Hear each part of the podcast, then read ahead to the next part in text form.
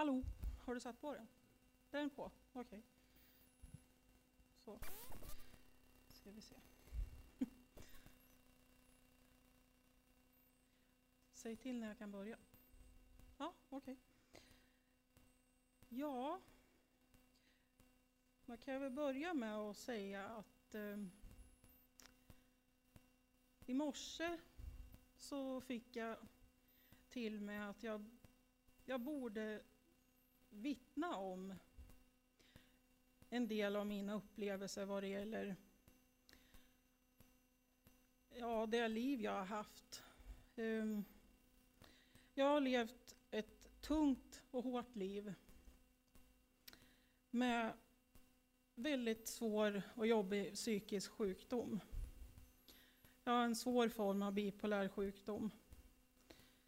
Och, men jag har ändå känt hela mitt liv att det har funnits någon där och jag har alltid haft min tro. Och eh, jag har alltid vetat att Gud har hjälpt mig. Men någonting hände förra året när jag blev frälst. En vän tog med mig hit till församlingen. Och jag kände någonting jag inte har upplevt någonsin tidigare. Så starkt. Och eh, fick uppleva andedop som jag aldrig hade trott i hela mitt liv. Jag visste för det första nog inte vad det var ens en gång. Började tala i tungor. Trodde att nej, nu har jag nog tappat förståndet helt. Men nej, faktiskt inte. Utan snarare så, så gick jag från klarhet till klarhet i mitt liv. Och trots fortsatt kamp med min hälsa, för det är en ständig kamp, så, så har Jesus funnits där hela tiden. Han finns med mig i vad jag gör. Och alla dessa fruktansvärda nätter med ångest som känns som de ska ha ihjäl mig, så, så har han funnits där. Och alla böner som har sagts för mig, alla förböner jag har fått, allting som har burit mig under så lång tid. Och jag har själv även, fast jag har varit så sjuk, så har jag ändå själv bett så mycket för andra. Fast jag har gjort det hemma för mig själv. Men eh, jag känner en sån tacksamhet över den här församlingen. Jag känner sån kärlek till människorna här. Och jag är så tacksam till dig Mona. Du är så underbar. Jag undrar om du förstår själv hur fantastisk du är. Men du, bara liksom, jag tänker på dig så blir jag så varm i hjärtat. Och jag tänker på Henrik och Kim, vilka fantastiska människor de är. Och de har själv egna liv och kämpar med sina saker. Men ändå så, ja, så delar de så mycket fint och så mycket bra. Och ja, även mycket skarpa saker. Men det jag kände i morse det var framförallt att jag ska rikta mig till de som själva lider av mental hälsa, och, alltså ohälsa, som mår dåligt. För vad jag förstår så är det en och annan som lyssnar på det här även på nätet. Så att jag vill bara uppmana er att även om ni inte har tagit till er Jesus helt eller har blivit frälsta, så lyssna och be. Be till honom. Bara fråga honom, bara prata med honom precis som ni pratar med en vän. Och, och, fråga honom, vad ska jag göra? Visa mig. Bara öppna era hjärtan för Jesus. För att när man gör det så händer det otroliga saker. Det händer så mycket stort. Och han kan leda er ut ur det här fruktansvärda mörkret. Han har lett mig ur mörkret flera gånger.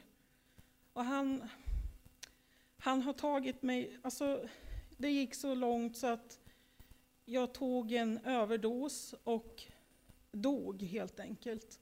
Men han tog mig ur det också. Och det här var ett antal år sedan. Men eh, när jag vaknade upp ur det, två dagar senare, så kände jag bara, oj. Det, alltså jag, jag visste ju vem som hade hjälpt mig. Jag visste att Gud sa till mig, Åsa, det är inte din tid än. Det är inte din tid. Och det får jag till mig återkommande. Så, så sent som, ja, jag har haft några månader nu som jag kämpar väldigt mycket och med ny medicinering och så vidare och även en medicin som skulle bort. Så jag har haft svåra biverkningar av det här och allting. Men eh, bland annat då så återigen så kämpar jag mot självmordstankar och ville helst bara ge upp. Men då fick jag till mig, men Åsa, om du ger upp, hur ska du då kunna veta vad jag har framför åt dig? Om, hur ska du då kunna veta? Då kommer du aldrig att få veta allt det jag har planerat för dig. Allt det du kommer att få uppleva om du fortsätter att lita på mig, om du fortsätter följa mig. Och då kände jag, ja, jag ska göra det. Det är vad jag ska göra. Och jag hoppas att ni där ute som lider och mår dåligt på ett eller annat sätt. Ni ska veta, ni är inte ensamma. Ni är inte ensamma på något sätt. Gud finns. Han, skickar, han sänder sina änglar till er. Han kommer att bära er. Om ni bara ber honom och låter honom. Och som Henrik sa också, det är så viktigt att vi ber. Att vi ber till honom. Att vi, ja, vi måste få, ja, göra det dagligen verkligen och få med det där. Att han ska... Vi måste ha en relation till honom. En relation med honom, precis som att det vore vår far. Fast det är vår himmelske far. Så behöver vi en relation till honom. Och han låter hans ande finnas hos oss. Han talar till oss, han stöder oss, han vägleder oss när vi inte vet hur vi ska bära oss åt. Men på något underligt vänster så får han ut oss ur de mest mörka och jobbiga och hopplösa situationer. För det har jag upplevt så många gånger. Och det är vad jag innerligt önskar för alla som själva lider och mår dåligt. Och det är någonting jag känner som nöd för när det gäller människor. Och som jag tror på något sätt så vill Jesus att vi ska använda de upplevelser vi har för att hjälpa andra och få andra att själva vända sig till Jesus just i sådana situationer. Ja, det, det, här är ju som sagt bara ett vittnesbörd och jag, jag vill bara läsa en psalm som har blivit så viktig för mig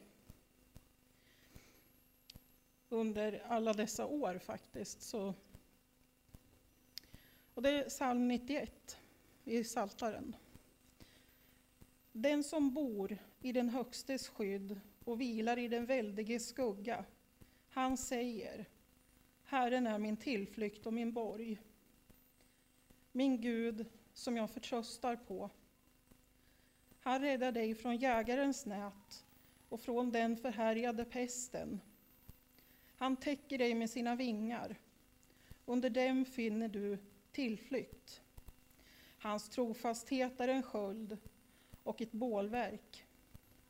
Du behöver inte frukta nattens fasor efter pilen som flyger om dagen inte pesten som smyger i dunklet, eller farsoten som härjar i middagshettan. Tusen kan falla bredvid dig, ja, tiotusen vid din sida, men du skall inte drabbas. Du ska själv få bevittna hur det gudlösa får sitt straff. Din tillflykt är Herren. Du har gjort den högste till ditt värn. Inget ont ska drabba dig. Ingen olycka ska komma nära ditt hus. Han ska befalla sina änglar att skydda dig var du än går. Du bär, de bär dig på sina händer så att du inte stöter foten mot något sten. Över lejon och ormar går du fram. Du trampar på vilddjur och drakar. Han håller fast vid mig och jag räddar honom.